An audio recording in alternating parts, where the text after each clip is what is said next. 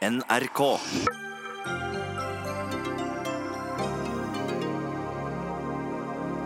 Europeiske luftfartsmyndigheter vil at Boeing 737 Max 8-maskinene skal settes på bakken. Både charterselskaper og Norwegian blir berørt. NSB bytter navn til Vy. Et selskap i krise bør ikke gjøre slikt, sier merkevarebygger. Galskap, sier Arbeiderpartiet. De møter NSB slash Vy-sjefen til debatt.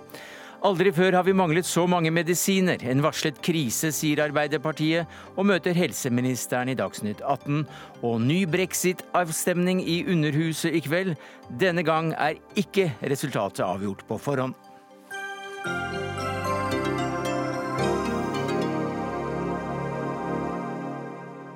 Ja, Det er noen av sakene i Dagsnytt 18 denne tirsdagen, der vi også ser på hva som skjer i Afrikas største land, Algerie, når unge demonstranter har presset presidenten til ikke å gå inn for en femte periode. Men vi begynner med nyheten om at europeiske luftfartsmyndigheter altså har oppfordret selskaper om å sette Boeing 737 Max 8 på bakken. Det skjer etter flystyrten i Etiopia på søndag, og det var også et slik fly av samme type som styrtet i Indonesia i oktober. Nora Aspengren, du er informasjonssjef i reiseselskapet TUI Norge, og dere har også øh, besluttet å ikke benytte fly av denne typen fra i dag. Hvorfor det? Eh, ja, det stemmer. Vi har valgt å sette alle våre 15 maksfly på bakken inntil videre. Eh, og det er jo etter henstilling fra de europeiske luftfartsmyndigheter, som har bedt om at alle disse flyene settes på bakken. Hva bør kundene deres gjøre nå? For norske kunders del så har vi kun fire avganger nå den nærmeste fremtid. Og vi kommer nå til å sette oss ned og finne gode løsninger og alternativer til de, og de vil også få informasjon av oss. Så de, de kan rett og slett eh, sitte og vente på at vi tar kontakt med de. Vi har bedt Norwegian om å komme også. Det har de ikke uh, funnet plass til i tidsskjemaet sitt. Men Lars Kobberstad, luftfartsdirektør i Luftfartstilsynet. Du befinner deg på Gardermoen. og Hva er din kommentar til at europeiske luftfartsmyndigheter også har oppfordret selskaper til å sette disse flyene på bakken? Ja, Vi har nettopp nå, før vi gikk på sending, fått akkurat den samme beskjeden fra EASA, som er EU sitt og det europeiske luftfartsmyndighetenes øverste organ. Og, og de kommer til å suspendere og, og, sette denne flytypen på bakken i dag. og Det betyr at uh, norske myndigheter kommer umiddelbart til å gjøre det samme. Det betyr at uh, flyene settes på, på bakken og luftrommet stenges for denne type fly, både inn og ut og i Norge. For få minutter siden så sa du at det var opp til flyselskapene selv å gjøre dette i Norge, men eh, det siste minuttet så har altså dette snudd? Eh, ja, fordi vi har fått ny informasjon, og det er, poenget her. Vi må ta beslutninger basert på faktainformasjon og analyser. Jeg er selvfølgelig kjent med at en del europeiske land i løpet av dagen og ettermiddagen i dag har tatt en beslutning om å sette denne flytypen på bakken. Det er en ganske ikke en uvanlig prosess. Eh, så melder de tilbake hvilke vurderinger de har gjort, begrunner det inn til den europeiske luftfartsmyndigheten, som så gjør sin eh, beslutning og gir sine anbefalinger. Og Det er det vi har forholdt oss til, den anbefalingen vi nå nettopp har fått. Men i går, går så sa du i Dagsnytt 18 som luftfartsdirektør i Luftfartstilsynet at eh, det var altfor tidlig å sette Max-flyene på bakken. Og på 24 timer så har også saken snudd helt. Hva skyldes det? Det er for tidlig å si noe om, for jeg har ikke fått sett hvilke vurderinger som ligger til grunn for den beslutningen som EASA har tatt. Men eh, det er jo naturlig å tro at man har fått noe mer kunnskap eh, om hva som kan ligge bak når man tar denne beslutningen. Alternativt så har man vurdert seg frem til at Eh, det er det tryggeste å gjøre nå. Og så blir det sannsynligvis en eh, gjennomgang av datasystemene på flyet og en brief og en trening av pilotene for å forsikre seg nå om at de er kjent med disse prosedyrene som skal brukes hvis disse systemene svikter. Og denne opplysningen om at eh, også Luftfartstilsynet i Norge har avgjort at slike fly ikke skal brukes uh, i Norge, den opplysningen er helt ny. Vil vi som uh, mange andre europeiske land også, også nekte denne flytypen å fly over Norge? I norsk luftterritorium? Det er for tidlig å si, men fordi jeg vet for lite om hva som er kommet nå av anbefalinger fra, fra Europa. Men det er nærliggende å tro, for jeg er jo kjent med at andre land har gjort det. Ja, Det er mange andre land som har gjort det. Og det er mange andre lands luftfartsmyndigheter som nå sier det samme som deg, mens andre ikke sier det. Snarere tvert imot så får vi høre fra USA at de ikke mener det er nødvendig at amerikanske flyselskaper setter sine fly på bakken. Og det er de amerikanske luftfartsmyndighetene som er helt rådende i verden, forstår vi. Deres ord er så å si lov, i hvert fall hvis det kommer et forbud. Eh, i går sa du at alt dette dreier seg om fakta, nå må vi bare tenke på fakta. Men vi ser jo at det nærmest ser ut som det er litt tilfeldig hvilke land som går inn for forbud, og hvilke som, som aksepterer at de, disse flyene fremdeles flyr. Og hvilke fakta er det da som er kommet på bordet siden sist? Som jeg sa i stad, denne beslutningen fikk vi nå rett før, før, vi gikk på lufta, så jeg er ikke kjent med hvilke vurderinger som ligger til grunn. Men vi er helt åpenbart klare på det, at vi følger eh, den beslutningen som nå er tatt i Aviasa, europeisk luftfartsmyndighet.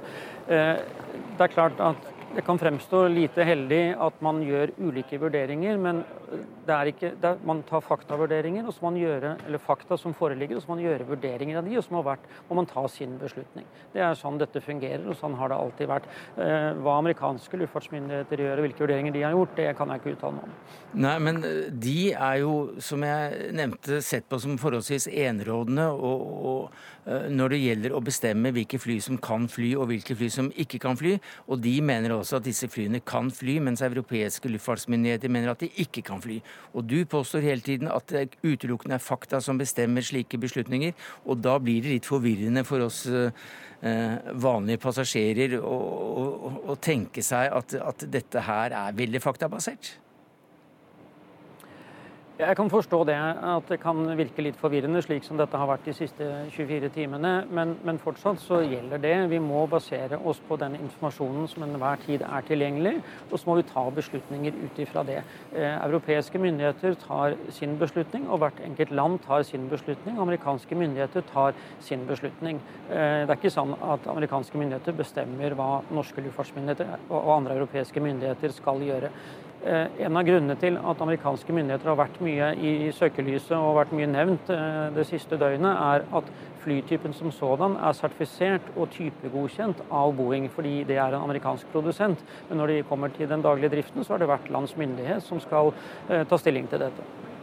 Takk skal du ha, Lars Kobberstad, luftfartsdirektør i Luftfartstilsynet, direkte med oss fra Gardermoen. Hans Jørgen Elnes, du er flyanalytiker. Eh, det er vel riktig at de nasjonale luftfartsmyndighetene kan avgjøre selv eh, hva som eh, skal gjelde og ikke gjelde, men det er vel også riktig at hvis USAs luftfartsmyndigheter sier noe, ja, så, så hopper man etter det? Ja, hvis det FAA hadde sagt at de vil F. Eh, Federal Aviation Authorities mm, ja. hadde sagt at de ville, eh, ville sette eh, Boeing 737 Max på bakken, så hadde nok de nasjonale myndighetene og flyselskapene fulgt de, det direktivet på det. Men de sier altså ikke det, mens europeiske luftfartsmyndigheter sier det. Hva er din kommentar til det? Nei, det er, det er, vanskelig, å, som uh, Kobberstad sier her, å uttale seg om det nå. For vi kjenner ikke alle bakgrunnsdetaljene rundt dette her. Men, men uh, jeg har vært i, i internasjonal luftfart siden midten av 80-tallet. Og kan ikke huske at det har vært en sånn situasjon med divergerende til de grader mellom luftfartstilsyn når det gjelder en flytype. Så dette er Dette er noe nytt for deg også? Det er noe nytt for meg også, ja. ja.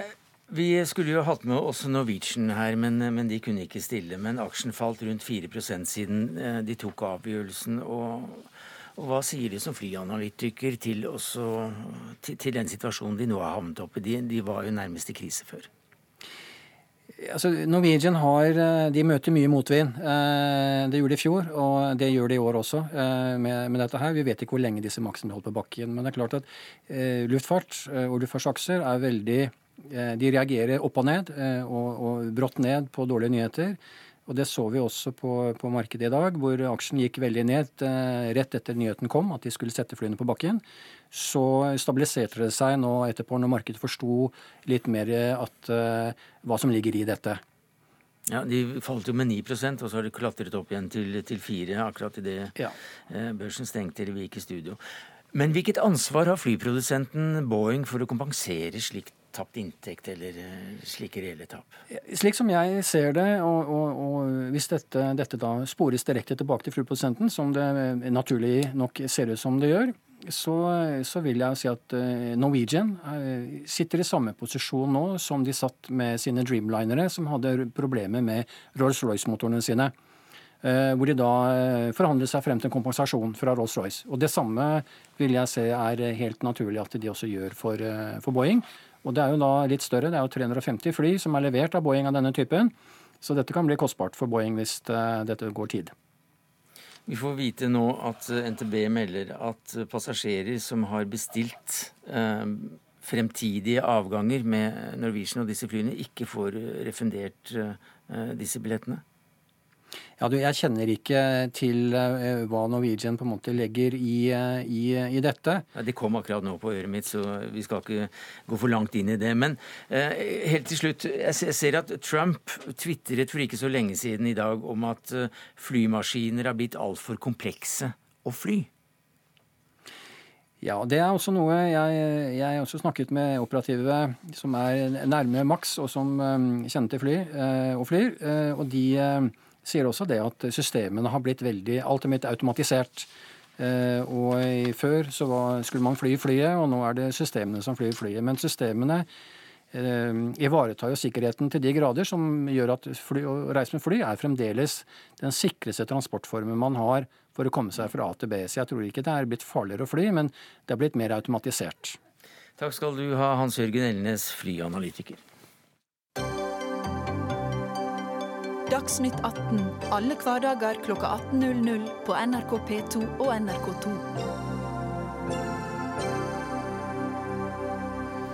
Ja, Noen har vel fått med seg at NSB har skiftet navn etter 150 år. Heretter heter selskapet altså Vy. Geir Isaksen, du er konsernsjef i NSB, og hvilke reaksjoner har du og NSB fått etter at dere lanserte dette nye merkevarenavnet? Vi kan vel trygt si at vi har fått eh, mangeartede reaksjoner. Mm -hmm. Det har vært noen som eh, har vært eh, litt misfornøyd. Noen har likt det, og noen har mislikt det tydelig. Sterkt. Sterkt, ja. Jeg tror nok jeg må kunne si det. Mm. Samtidig så var vel ingen av de reaksjonene vi fikk, så veldig overraskende. Vi har tenkt igjennom hvilke reaksjoner vi ville få, og de har stort sett kommet. Men hvorfor var det nødvendig? Det var nødvendig å skifte navn på Norges Statsbaner fordi vi ikke er Norges Statsbaner lenger. Det selskapet vi er, har ikke eierskap til eh, verken skinnegang, togene, til stasjonene. Det beskriver rett og slett ikke hva vi driver med. Det er betegnelsen på den jernbanen som eksisterte i forrige århundre. Men Vy, hva sier det da? Eier dere Vy? vi ønsker å skape vyer, men dette er jo et navn av en helt annen karakter. Utsyn, når vi, eh, oversikt. Ja, ikke sant? Det betyr at vi ønsker å se framover og skape noe nytt. Og det kan eh, Mange navn eh, kan ha en assosiasjon uten at det betyr nødvendigvis noe helt konkret. Og vårt valg av navn var basert på at vi ville se framover og ikke henge fast i den jernbanen og virkeligheten som ligger bak oss. Vi må fornye oss hvis vi skal overleve. Vi skal delta i konkurranser og vinne disse. Og for eksempel buss for fly, buss for tog. Buss for tog er en, et viktig virkemiddel når togene står, ja. men det er jo ikke det vi ønsker å være kjent for. Det vi Nei. ønsker å være kjent for, det er å kunne koble sammen gode kollektive reiser, slik at det blir attraktivt for folk å reise kollektivt, og dermed miljøvennlig. Det er viktig. Elisabeth Hartmann, du er daglig leder i Siste Skrik, og du driver med merkevarebygging og er opptatt av tidspunktet, som du sier at ikke er helt maksimalt. Ja, altså Jeg er veldig opptatt av merkevarebygging, og jeg har forståelse for at eh, NSB skal inn i fremtiden. Eh, samtidig så tror jeg, altså, og jeg har hørt deg uttale veldig mange ganger i dag, at at dere vil at dette navneskiftet og den nye designet skal bidra til å gjøre det mer attraktivt for folk å reise kollektivt. Og det, da tror jeg man skyter litt feil. fordi at for meg så handler ikke merkevarebygging om navn og logo og en grafisk design. Det er en del av det. Det viktigste er det produktet du leverer. Og jeg opplever at NSB sånn som det er i dag, ikke leverer et bra nok produkt til, til de reisende. Det er for mye forsinkelser, det er for fulle tog. Og derfor tror jeg timingen er feil, fordi det er veldig mange av de som reiser med, med dine produkter, som skulle ønsket seg at man kanskje hadde brukt disse pengene på noe annet, slik at de hadde en bedre reise. Kom seg tidsnok på jobben. Jeg satt og venta på tre stykker på trafikkmøte i går morges fordi de var forsinket på toget. Eh, dette er det veldig mange som opplever. Så jeg jeg skulle ønsket at man hadde fått rydda opp litt mer i krokene, og så kunne man gjort det. For jeg ser at dere trenger det for fremtiden. Så jeg er ikke negativ til, til at dere gjør det, men, men timingen. Jeg er jo veldig enig i at i det lange løp så er det det eneste som skaper noe positivt ved et selskap, er jo det det leverer. At det må levere godt. Og nå leverer det ikke godt nok, så dermed så blir timingen for oss å skifte logo, navn og alt mulig feil. Nei, timingen er riktig, og den er nødvendig. Vi er, vei, vi er på vei inn i konkurranser om å få lov til å kjøre på denne jernbanen. Eh, når vi ser på årsakene til disse forsinkelsene som folk er så irritert på, så er det i all hovedsak knyttet til andre forhold enn de vi er herre over. Vi må skape en ny identitet for oss som stiller oss på like linje med de vi skal konkurrere med. Det er viktig.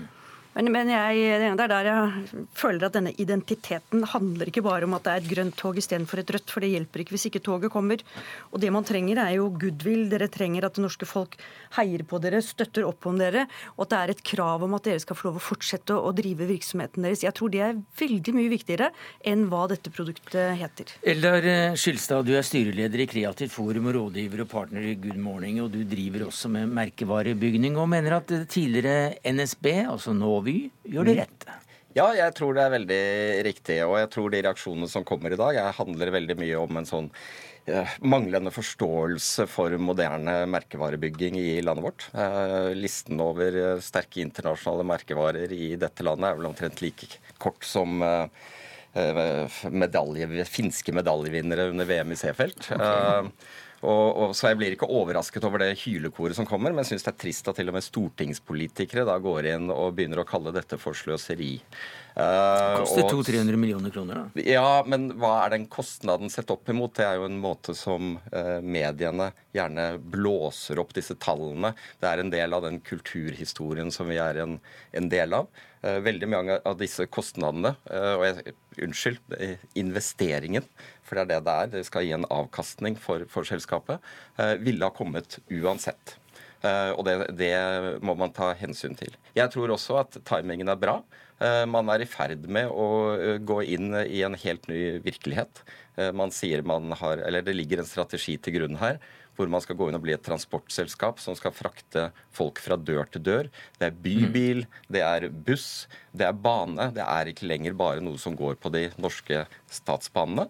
Og jeg tror det er viktig å få vekk de assosiasjonene som Bane Nor og uh, sånt, og sørge for at NSF er Bare for å si det, så var det ikke selskapet ditt som foreslo dette, vi, men eh, Hartmann, vær så god. Nei, altså, jeg, jeg, jeg, både Eldar og jeg jobber med merkevarebygging, og vi vet at vi kan lade eh, et navn med det vi ønsker, hvis man jobber med det over tid. Så, så jeg tenker at NSB eh, kunne veldig godt vært ladet med, med, mye mer, for det er ikke sånn at det er norske statsbaner og samme NRK NRK er ikke norsk rikskringkasting. Vi vet hva NRK står for. Ja, ikke begynn å blande NRK inn her. Det er mange som kan få gode Nei, ideer og dårlige ideer. Jeg, ja, jeg, har sagt det jeg mener. at Jeg, jeg forstår at man ønsker å, å, jobbe med identiteten sin, men jeg syns man skulle jobbet med, med, å rydde opp i produktet sitt først. Jeg tror det hadde vært mye større verdi å hente når du snakker om investeringen. Jeg tror man hadde fått mye bedre payback på det hvis man hadde hatt folk med seg, istedenfor at folk nå står på perrongen og kommer til å bruke dette som et argument mot dere neste gang det er forsinkelser. Ikke redd for det? Nei, jeg er ikke redd for det. Jeg skjønner jo at folk er irritert når toget er forsinka. Men uh, nå, tror... nå, har de brukt 200-300 millioner på, på Vy. Hva gir det meg? Toget kommer ikke. Jo, Himmel men uh, vi må se dette som det sies. Det er i, i sammenheng med at vi omsetter på disse tre årene vi skal bruke disse pengene, så omsetter vi for 45 milliarder kroner. Dette er under en halv prosent. Vi må markedsføre oss, vi må skape ny identitet. Både for våre egne medarbeidere, som jo gjerne vil at vi skal henge sammen buss, tog, disse nye initiativene, bybilen, andre måter å reise fra dør til dør på. Så det er internmedisin? Nei, det er ikke internmedisin, men det er oppbyggingen av en måte å levere på som jeg håper og tror nettopp skal oppfylle noe av det du etterlyser, nemlig at det kan bli en bedre leveranse også. At folk kan komme fra dør til dør på en god måte. Jeg håper jo også at dette navneskiftet altså Jeg er togpendler selv til og med på Østfoldbanen. Ja. Uh, og, og, jeg må si at jeg håper at dette også gjør at folk får øynene opp for nettopp den delingen som har skjedd i jernbanesektoren. Uh, hva som er produktet til NSB, og hva som skyldes uh, Bane Nor. Og, og, dermed opplever da Vy en, på en mer positiv og ladet måte enn, enn det det er i dag. Og selve ordet, da. Også, vet du, du er leder i Språkrådet. Hva syns du om det? NSB spurte dere til og med? Ja, jeg syns jo Det har, jeg, vi sagt til NSB uh, mens denne prosessen pågikk, og det har jeg sagt mange ganger i dag. Jeg syns det er et uh, ganske dårlig uh, valg. Og mm. grunnen, Det er flere grunner til det, men hovedgrunnen er jo at vi her snakker om en virksomhet som springer ut av fellesskapet. Og NSB er et 100% statseid selskap. Og da eh, er det sånn at eh, de må kommunisere godt med det fellesskapet som de springer ut av. Og eh, i tråd med norsk språkpolitikk så bør de da velge seg et navn som gjør det veldig tydelig og klart hva slags type virksomhet dette dreier seg om. Det gjør ikke Vy. Vy kunne ha vært brukt om en hva slags som helst type virksomhet. Mm, koster 100 millioner kroner for ordet, da. Sånn at man må jo gjøre et eller annet med det. Men Vy er altså ikke nei, nei, Betyr ikke sam, samhold eller ja. Ordet er veldig billig. Det koster under en million kroner å få et nytt navn. Det er å markedsføre dette navnet og få det eh, på våre tog, busser, mm. få det inn i de digitale flatene. Men, men det er ikke bra. Det er ikke bra, hører vi. Jo, eh, jeg jeg er litt skuffa, fordi jeg trodde kanskje Språkrådet ville synes dette var et uh, positivt navn. Et norsk ord. Det skaper assosiasjon til mm. utsyn, til å reise, i hvert fall hvis man er velvillig. Jeg tenkte at det kunne, det kunne man jo vært i Språkrådet denne, denne gangen her. Ja, Vi opererer ikke på smak og behag eller velvilje og uvilje. Absolutt ikke. Vi er opptatt av at uh, norske statlige virksomheter og statseide selskaper skal drive med gode klare språklige kommunikasjon til offentligheten. Da er det et eh, helt greit grunnleggende krav at eh, offentligheten skal skjønne umiddelbart hva eh, denne virksomheten holder på med, hva det er som er kjernevirksomheten. Og Hvis kjernevirksomheten da er transport, så ville det vært mye bedre hvis en nå måtte skifte navn og finne et navn som pekte entydig på transport. Det hadde vært fair overfor innbyggerne i mm. Norge som eier dette selskapet. Språkrådet rådet oss jo til å beholde nå, eh, Norges Statsbaner, NSB. Ja, og det Gjorde dere det et øyeblikk? Ja, det, vi, det, vi, sa til NSB, det var at eh, med et sånn et navn, som er så godt innarbeida, og som er eh, norsk kulturhistorie, så bør det sitte veldig langt inne å skifte det. Men, sa vi òg, eh, selv om vi vanligvis ikke gir råd om å bruke bokstavforkortelser som navn, så kan vi råde til i dette tilfellet at eh, en bruker NSB bare som mm. da tre bokstavsord, fordi alle vet hva det står for. Og Våre undersøkelser viste veldig tydelig at det folk assosierer med NSB, det er den jernbanen som vi hadde i forrige århundre, før eh, Bane Nor og NSB ble stilt i to forskjellige selskaper. Og Vi klarer ikke å snu, snu på det. Vi må ha et nytt navn for at folk skal få en annen oppfatning av hvem vi er, og hva vi står for. Uh, ja, nei, Jeg tenker bare litt tilbake til Språkrådet, for jeg er veldig redd for uh, at merkevarebygging i landet vårt er, står så svakt uh, i forhold til at uh, politiske føringer skal bli med inn i denne type prosesser. Uh, dette handler om konkurranseutsetting. Dette handler om å gå inn i, i faktisk en, en, helt ny transportverden. og for de gamle Eh, det gamle NSB og det de sto for, eh, blir helt annerledes inn i framtiden. Norske meierier, det er ingen som savner det navnet der. Man sier Tine. Det er jo fordi at det heter Tine i dag. Og der er en, nå. Og der, og der er en forskjell på merkevarebygging og på virksomhetsnavn. for statlige virksomheter og virksomheter som er eid av det offentlige. Der er det faktisk to forskjellige sett med kriterier som gjelder. Og kriteriet når det gjelder den typen navn som er knytta til det offentlige, det er klarspråk. Det er et sentralt element i den norske språkpolitikken. Derfor eh, anbefaler vi det. Takk skal eh, du ha, også Vetås, leder i Språkrådet, Eldar Skylstad, styreleder i Kreativt Forum, Elisabeth Hartmann, daglig leder av Siste Skrik, og Geir Isaksen, konsernsjef i Vy. Takk skal du ha.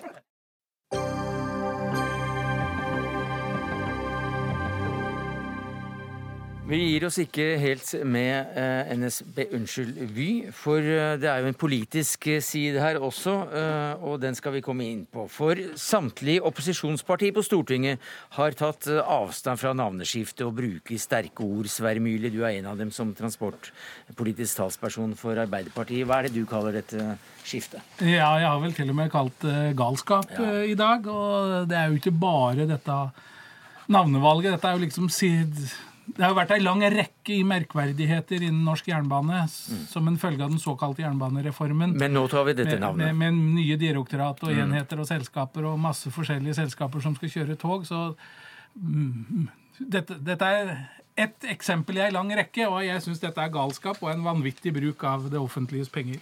Helge Orten, leder av transport- og kommunikasjonskomiteen eh, for Høyre. Du takket ja til å delta i dette ordskiftet da samferdselsministeren ikke ville stille, eller noen fra Fremskrittspartiet i komiteen ville stille. Det er vi glad for. Men galskap? Er det galskap?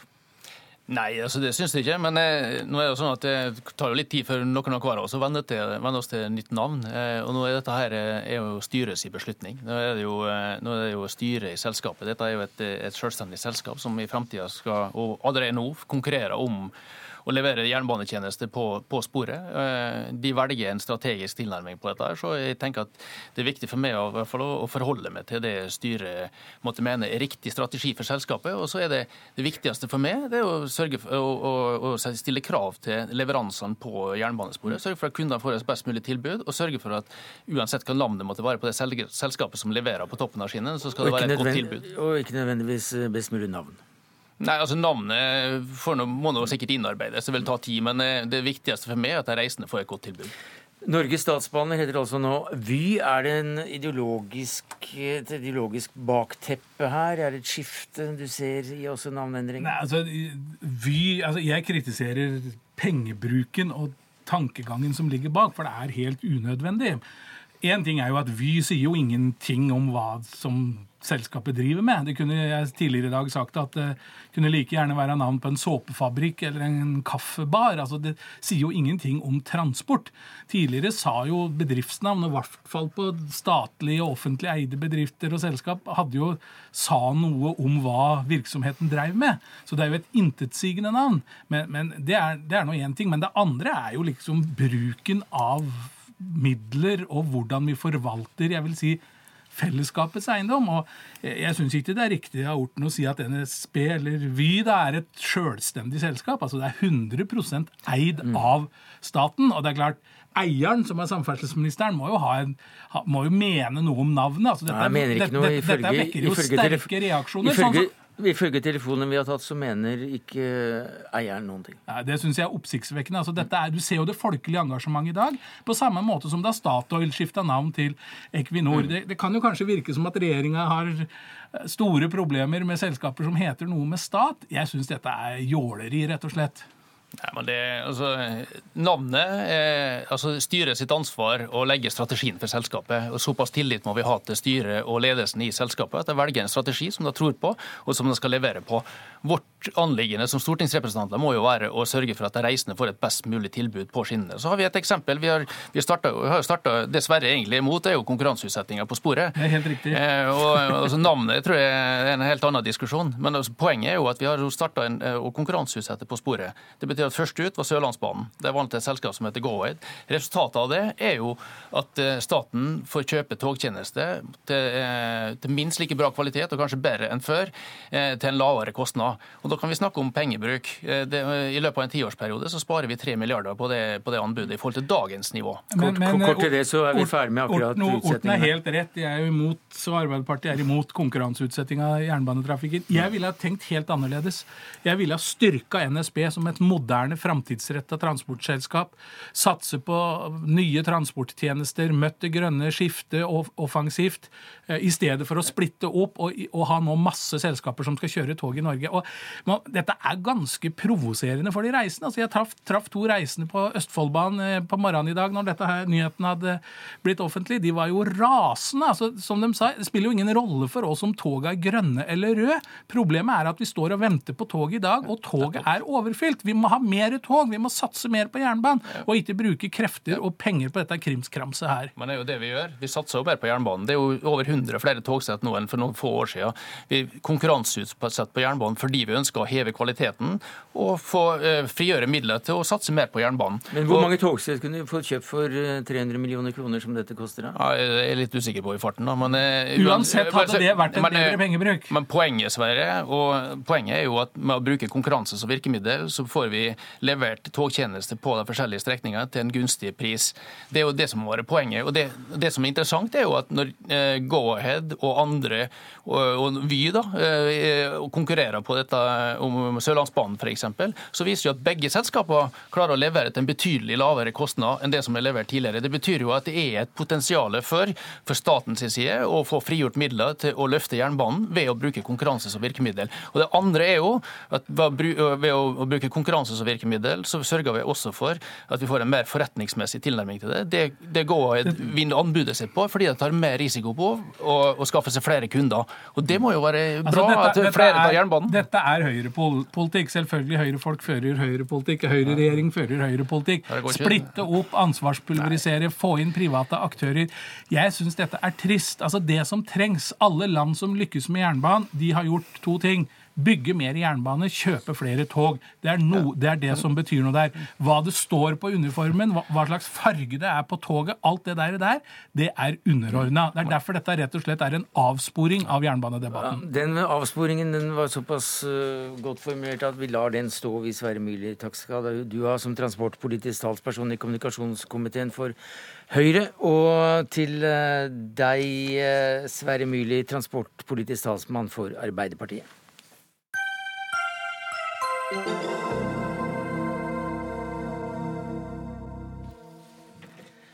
Det går mot eh, en eh, spennende avstemning i eh, London, i det britiske underhuset i kveld. Statsminister Teresa May forsøker nok en gang å få stemt gjennom sin skilsmisseavtale med EU. Sist gang hun forsøkte, så led hun, som vi husker, et historisk stort nederlag, der motstanderne vant med 230 stemmers overvekt. Men i går kveld kom nyheten om at EU og Brussel hadde blitt enige om en ny juridisk bindende avtale rundt Nord-Irland. Og korrespondent Philip Lote i Brussel, hva vet vi om eh, dette innholdet?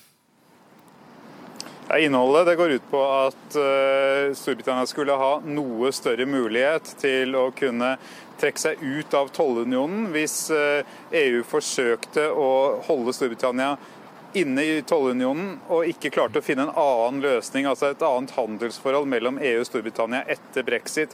Nå har dette vært opp til behandling eh, og uttalelser, og det siste er jo at Storbritannias regjeringsadvokat har sagt at den nye avtalen egentlig i veldig liten grad, kanskje ikke i det hele tatt, endrer risikoen for at Storbritannia kan bli eh, holdt fast, låst inne i EUs tollunion.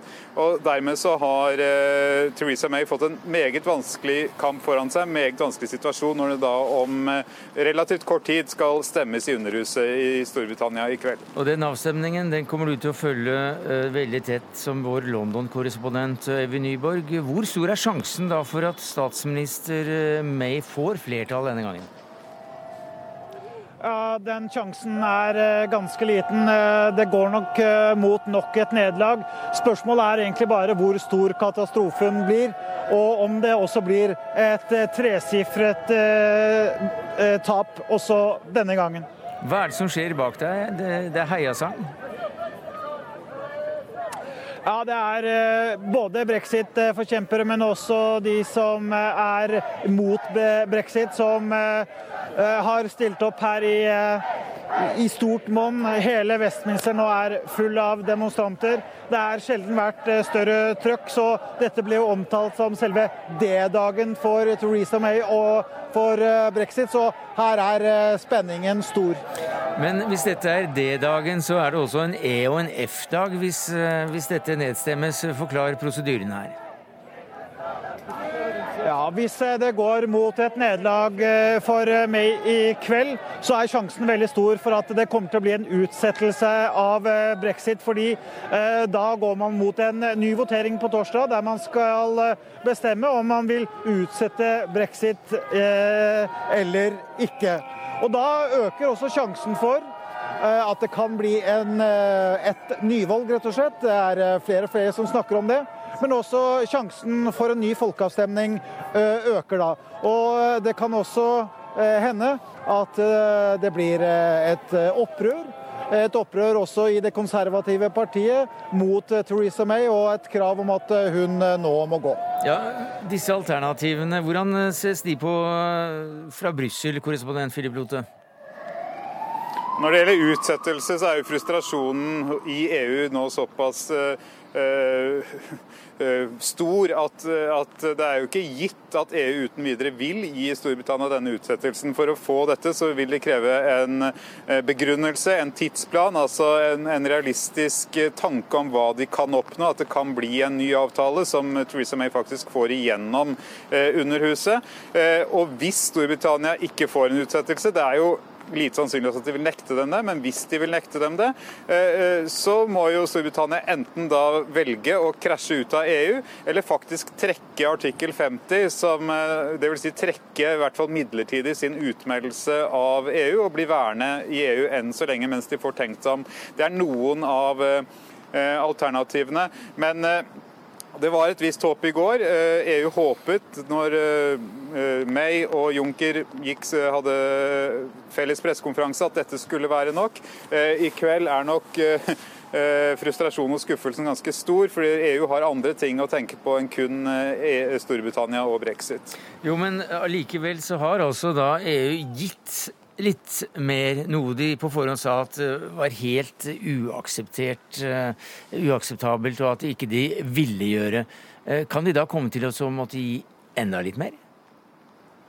Det finnes jo muligheter. Det er et EU-toppmøte i Brussel i neste uke, og da kan May gjøre to ting på dette møtet. Hun kan, hvis hun da fremdeles er statsminister, det får vi regne med at hun er, Eh, be om en utsettelse, og så vil regjeringssjefen og EU da ta stilling til det da. Eh, eller så kan hun eh, også prøve å gå i direkte forhandlinger med de andre regjeringssjefene i de andre EUs medlemslandene, men dette er en veldig vanskelig oppgave og veldig vanskelig å få til. Men når det heter det at når EU sa at det, forrige gang dette var ikke mulig å reforhandle, og at man ikke skal tro på dem, for de har jo sittet og forhandlet etterpå, så hører det jo med at de ga jo veldig lite. Og dommen i London i dag er er jo at EU ga for lite, at det ikke er godt nok. og Det er derfor May nå sliter med å få mm. dette gjennom Underhuset. Men dommen kommer altså senere i kveld, eh, London-korrespondent eh, Øyvind Nyborg. Hva er eh, Teresa Mays fremtid hvis hun får dette mot seg i kveld? Ja, Man skal aldri si aldri, men det er klart det er flere i denne prosessen her som i kulissene har lansert sine statsministerkandidaturer. Men dette er, vi har å gjøre med en statsminister som eh, i alle fall som katten har ni liv. Eh, kanskje hun har brukt opp eh, de fleste nå, men vi får se hvor dette ender. Kort til slutt, hvem er det som roper høyest i, i, i svingene bak det her? Ja, Dette er litt som å være på fotballkamp, kanskje. Det er den ene svingen som roper, og så svarer den andre. Og de som eh, roper bak meg her nå, det er eh, de som eh, ikke vil ha noe brexit i det hele tatt, og som kanskje ser på eh, kveldens avstemning som en seier, og kanskje som et første skritt mot en ny folkeavstemning, eller at det ikke blir noe brexit i det hele tatt. Det er også flere utganger enn eh, hjemme, borte og uavgjort. Takk skal du ha, London-korrespondent Øyvind Nyborg, og til deg, Philip Lote i Brussel. Hør Dagsnytt 18 når du vil. Radio NRK Radio.nrk.no.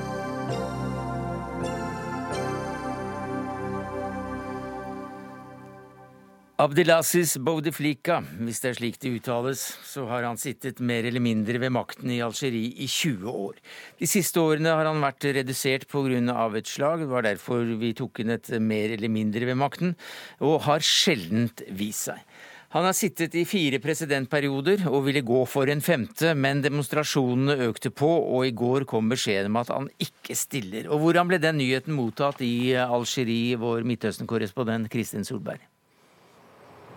Ja, først så ble det mottatt med feiring i gatene. Det var veiving med tunisiske flagg og tuting med bilhorn. Men i dag så har vi sett at protestene mot eh, presidenten har eh, fortsatt. Eh, og det, har, og det er mer fremtredende i dag, og stille feiringen i går litt i skyggen. Vi ser demonstrantene har, føler at dette bare er et første steg. Og selv om de mener at det er bra at han sier at han ikke stiller til til, til, valg, så legger de også merke til at han også har utsatt valget på ubestemt tid. Det skulle være 18. april. Nå er det utsatt inntil en nasjonal konferanse skal sette eh, en ny dato for valget. Og i mellomtiden så blir han altså sittende som president. Og de som demonstrerer, de mener det kan tyde på at presidenten ønsker å bli sittende lenger, eller at han ønsker å håndplukke en arvtaker.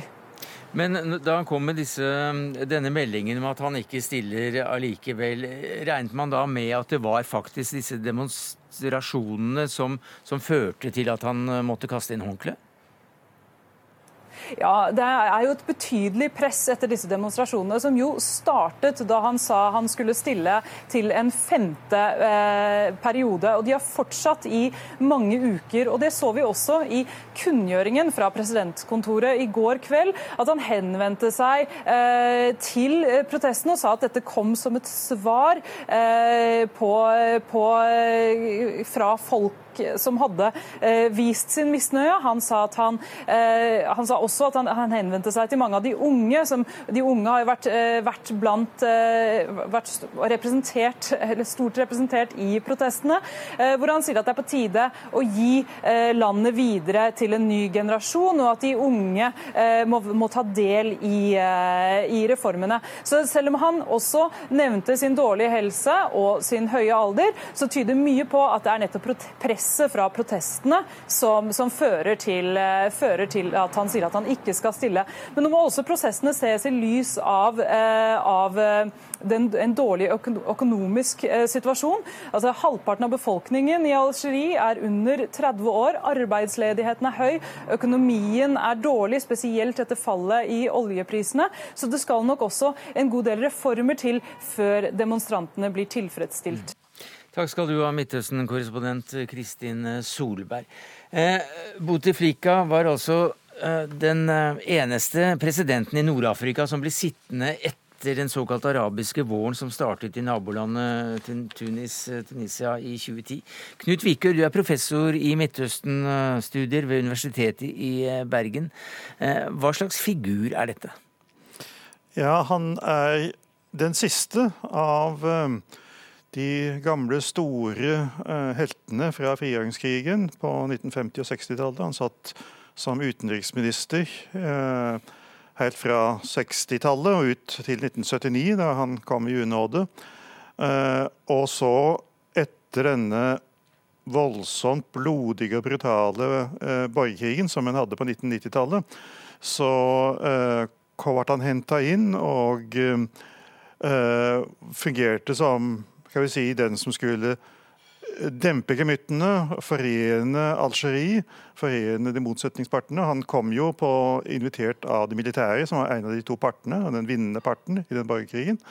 Eh, men han var sivil, og eh, han hadde den funksjonen de første periodene, første årene, nettopp ved å kunne være en samlende figur som skulle skape et sivilt, eller iallfall et mer sivilt styre i Algerie. Men så ble han altså syk eh, og forsvant mer og mer ut fra både offentligheten og kanskje også ut fra den utøvende makt. Eh, og det er blitt mer og mer tydelig at det var en, en elite av militære og dette gamle regjeringspartiet som har vært der helt siden frigjøringskrigen, FLN, eh, at det var toppledelsen der som kan vi si, kollektivt styrte i navnet til Bouteflika. Mm. Og Derfor så ropte også da eh, demonstrantene endelig jeg vil eh, blitt kvitt marionetten. Men eh, apropos demonstrantene, hvem er de? De er unge, først og fremst. Det er studenter som har stått i ledelsen for det. Eh, men de har etter hvert fått eh, mer og mer støtte i forskjellige deler eh, av landet. Og nå har også eh, aviser og personer som egentlig står regimet nær, begynt å fall, omtale dem på en positiv måte. Eh, men det som De har ingen egen sentralledelse. Det er ingen parti eller noen bevegelse. Det er en en grunnplansbevegelse, dette, men altså først og fremst prega av ungdom. Men hva vil de? Ja, Det er jo interessant å se nå fremover. Den det store eh, perioden de har hatt, det er altså ingen flere, ingen femte periode. Altså Denne personen, Bouteflika, han har gjort sitt. Han har, han, vi vet jo at han er syk, vi vet at han kanskje ikke er i stand til å snakke. Uh, så vi må ha noe nytt. Vi vil vite hvem det er som sitter i ledelsen. Uh, og det får de jo da i hvert fall nå fått en slutt. Uh, ikke en sluttdato, så iallfall en sluttmarkering. Men så er det da bredere om at vi må både naturligvis de økonomiske og sosiale tingene vil ha bedre levevilkår, men også at vi vil ha en politisk forandring. At uh, vi må ha demokrati, vi må ha mer åpenhet. Uh, og det som Solberg nevnte, som er den reaksjonen som er sett utover dagen i dag, jo, er jo de som vil ha en mer grunnleggende forandring i det politiske systemet, som sier at dette er ikke nok. Altså Bouteflika han har jo bare sagt at han skal bli sittende til det kommer en ny grunnlov, og det kan bli eh, denne forsamlinga som skal lage et nytt opplegg. De skal bare gjøre seg ferdig innen utgangen av 2019, og så skal de ha en folkeavstemning. og Så kan de ha valg etterpå det, slik at det blir en utsetning på et år i så fall. Uh, og eh, det er, ikke godt, det er ikke godt nok for disse. Mm. Men så kan det altså være andre som rett og slett fokuserer på at Bouteflika og er fornøyd nå som han trekker seg, om enn med, med en utsettelse. Men det er da én mulighet, at det går den veien, at han blir sittende, og så en ny grunnlovsbearbeidelse, og så en avstemning eventuelt. Det er en lang prosess. Er det andre ting som kan skje? Er det andre utviklingsmuligheter du ser for dette landet i den nærmeste framtid? Ja, det kommer litt an på om eh, demonstrasjonene fortsetter i samme styrke. Ja, Hva skjer da? Eh, ja, Da fortsetter jo krisen. Og den krisen har jo vært sterk nok til at, at uh, regimet ser at de, de, må trekke seg tilbake og gjøre noe. Og en kan jo naturligvis tenke seg at hvis dette faktisk fortsetter med samme styrke, at Bouteflika blir nødt til å trekke seg med umiddelbar virkning, og at vi kan få en slags overgangsting. Men, Hvem vil overta da? Ja, det Problemet er jo naturligvis at Bouteflika nettopp ikke er noen diktator i, den, i, i reell forstand, fordi at han er handlingslamma, altså fysisk sjuk. Uh, slik at det er et regime som sitter der, og de sitter der jo fortsatt. Og de er jo ikke uh, i og for seg de som er utfordra enda. Uh, så de vil jo ønske at de skal nå få en annen marionettfigur, kan vi si da, eller en annen person som kan stå for, for denne enheten. Men så er det altså spørsmålet om, og denne utsettelsen kan også tyde på at styrke den teorien om at det er motsetninger innenfor regimet, f.eks. mellom Bouteflikas familie, hans brødre, som står litt i skyggen, men som da har vært hans talsmenn, eh, og andre deler i, i, eh, av det militære. Og at eh, de ikke klarer å bli enige om hvem det er som skal ta over. Og at den motsetningen, som de da vil nå da bruke et år på å finne ut av, at den kan, kan, gjøre til at vi kan få et fragmentering av regimet. Det vet vi ikke ennå, det er jo mer gjetninger. Men eh, en annen gjetning er vel kanskje at uh, islamister kan tenkes å komme styrkende ut av noe slikt? Ja, men uh, de har ikke gjort det. Altså, de har ikke markert seg noe særlig. Denne, disse demonstrasjonene har ikke hatt noen noen uh, indikasjoner i den retning. Vi har Etter borgerkrigen for på 90-tallet så er kan vi si, islamismen marginalisert i Algerie. Det var et ganske voldsomt sjokk, dette. Vi har, fikk altså en liten gruppe som ble igjen av opprørerne, som nå har trukket seg sørover i Sahara, som vi kjenner det mer i Mali og i de områdene der, som kalles for Al Qaida i det islamske Maghreb, som fungerer som en terrorgruppe der. Og de Det militære klarer å holde de der nede. altså De, eh, de algeriske militære klarer å holde kontroll eh, på de når det gjelder der folk bor i Algerie. Er dette viktig? Er dette det som skjer nå, viktig for regionen? Ja, eh, altså Algerie er jo et viktig land. Et viktig land for Marokko, som ligger på ene sida. Og det er et land med, med store ressurser fortsatt. Selv om oljeprisen har gått ned, så har de fortsatt store ressurser. Så eh, hvis det skulle skje et eller annet eh, dramatisk sammenbrudd det er nok ikke det jeg er mest redd for. Jeg tror nok ikke vi får noen type mm. Libya-situasjon i Algerie. Sånn, regimet sitter nok såpass trygt, tross alt. Eh, at, eh, men skulle det skje at vi får et sammenbrudd i Algerie, så er det klart at det vil bli eh, alvorlig for også for nabolandene. Også for norske interesser, for bl.a. Equinor er sterkt inne på gassfronten i dette landet. Takk skal du ha, Knut Vikør, professor i Midtøsten-studier ved Universitetet i Bergen.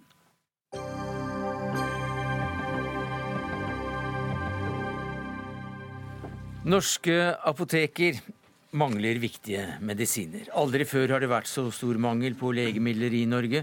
Og dette skyldes bl.a. råstoffmangel, produksjonssvikt og feilberegning av forholdet mellom tilbud og etterspørsel. Ja, det opplyser eh, Legemiddelverket. Bent Høie, du er helseminister, og det er vel du som er ansvarlig for dette? da? Ja, og vi er òg bekymra for den eh, økte utviklingen som vi ser av legemiddelmangel internasjonalt. fordi dette er jo et eh, ikke et særnorsk eh, problem. Det er jo sånn at mange av legemiddelselskapene har eh, konsentrert produksjonen sin om veldig få fabrikker. og Hvis det da skjer en, f.eks. en brann eller en eh, trailer som kvelter eller enkelte hendelser, så får det umiddelbare konsekvenser. Så det vi jobber for, er jo kontinuerlig ha en mer og bedre beredskap for denne type situasjoner og kunne håndtere Eh, legemiddelmangel på en sånn måte at det ikke går utover pasienten. Og heldigvis så eh, klarer vi det i de fleste tilfellene med enkle grep, sånn at en f.eks. Eh, går og eh, bruker en eh, halv tablett istedenfor en hel tablett hvis det er akkurat en spesiell styrke mm. det er mangel på, eller det er òg ofte alternativer til stede. Men det betyr at man må ha god overvåking over situasjonen. Hva sier du til det, Ingvild Kjerkol, som eh, både forklaring og som uh, oppskrift, medisin for den situasjonen som er? Du er stortingsrepresentant for Arbeiderpartiet. Nei, For de pasientene som opplever å ikke få medisinen de er avhengig av, så oppleves det nok dramatisk. Snakka med ei dame tidligere i uka som har kjørt på tre apotek for å få tak i sin blodtrykksmedisin. Og det her er jo en situasjon som det er advart imot fra Stortinget eh, veldig, i veldig lang tid. Helt siden vi behandla legemiddelmeldinga som statsråden la fram i 2015, så har man eh, vært klar over at det kan komme situasjoner hvor manglene går utover pasientene. For dette er en varslet krise, sier du? Ja, det vil jeg si. Dette her eh, advarte man mot når man behandla selve legemiddelpolitikken i 2015. Og hvert år etter det har Stortinget vært bekymra for at vi kan få mangelsituasjoner som går utover liv og helse, og som er til belemring for pasienter. Ja, og jeg var jo en av de som advarte mot dette i stortingsmeldingen. Så, mm. så dette er helt riktig. Dette da fikk du helt rett. Ja, eh, så dette er jo en situasjon som, eh, som vi har vært bekymra for. Derfor er det også Eh, satt, både satt inn tiltak, men òg satt nye oppdrag, eh, bl.a. Til, til, til Statens legemiddelverk om å komme før sommeren med ytterligere anbefalinger mm. eh, på tiltak som, som, kan iverksettes. Vi har bedt helseregionen om å vurdere oppbyggingen av både produksjonskapasitet i, i Norge, men òg behov for ytterligere lagre osv. Så, videre. så dette er en en situasjon som vi absolutt tar på, på største, største, alvor. og Det er det òg nødvendig å gjøre. fordi i noen tilfeller eh, så fører dette til vanskelige situasjoner eh, for pasientene, selv om i de fleste tilfeller klarer å håndtere dette på en god måte i dag. Det er en bratt økning i de kjente tilfellene av mangler her.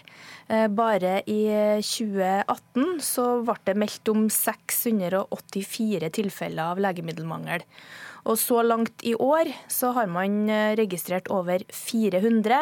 Eh, og det er klart at for veldig mange pasienter så handler dette her om å få trygghet i hverdagen. Eh, mange av dem går på jobb fordi at de får tilgang til de her medikamentene. Jo, men, men det, det, Dette tror jeg alle er enige om. Ja, men, men altså, når, når, vi hører Høie si her at jo, men en trailer kan velte, og det kan skje ja, mye rart.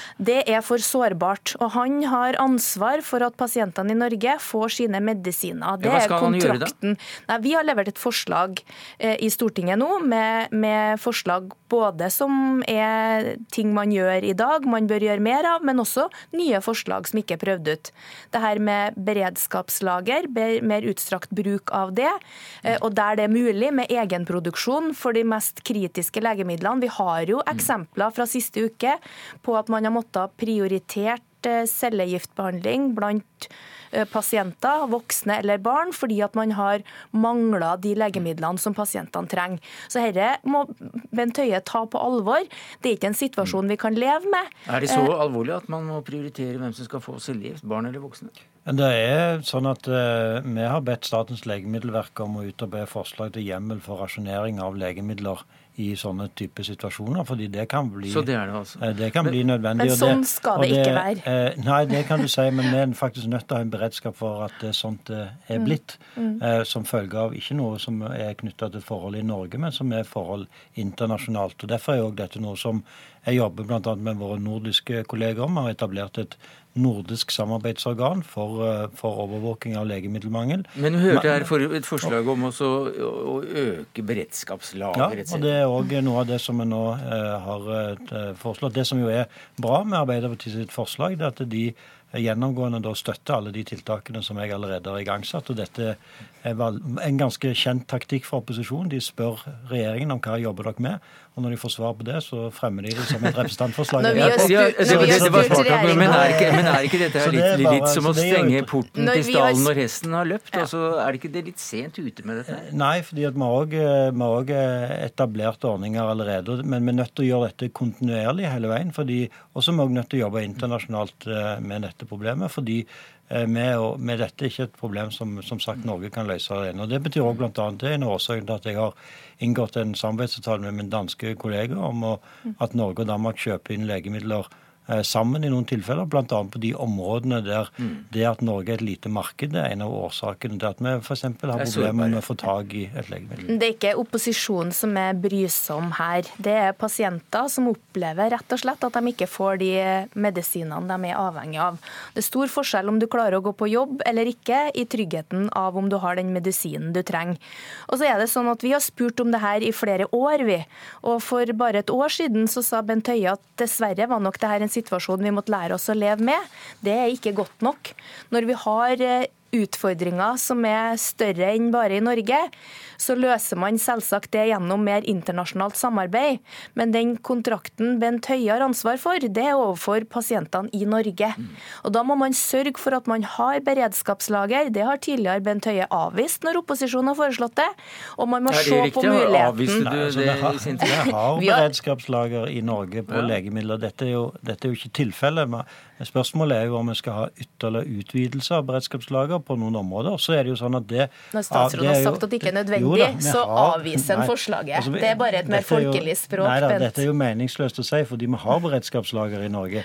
Det som er Spørsmålet er jo om vi skal ha på ytterligere nye legemidler. Utfordringen er jo da... Og det har vi foreslått. Ja, og det er jo noe som vi jobber med. Så du støtter forslaget vårt, da? Altså, de forslagene deres, si ja, men forslaget deres er en kopi av det som jeg redegjorde for dere at vi jobber med. Så men, det er helt greit. Vår, vår tid er i ferd med å Jeg må nesten avbryte det, jeg må nesten avbryte det der, for vår tid er i ferd med å løpe ut her. Men kort til slutt. Vi hører da altså at leger eller sykepleiere må, må, må, velge mellom å gi voksne eller barn cellegift. Hva har du å si for å berolige de som står oppi dette her? Jeg syns det er en utrolig krevende situasjon. og Derfor er det jo sånn at vi ikke kan la, la, være å forholde oss Blir det bedre snart? Vi kan ikke la være å forholde oss til at dette er et økende problem internasjonalt. og Det betyr at det vi kan gjøre i Norge utenom å jobbe internasjonalt, det er å ha en høyere beredskap og system for å håndtere de situasjonene. Noe annet vil være å lukke øynene for den situasjonen som er. Bent Høie, takk skal du ha. Ingvild Kjerkol, takk skal du ha. Det var det vi rakk i Dagsnytt 18 denne tirsdagen, takket være ansvarlig for det hele, Jarre André Mikkelsen. Det tekniske ansvaret hadde Erik Sandbråten. Jeg heter Sverre Tom Radøy. Vi høres i morgen med Espen Aas i studio.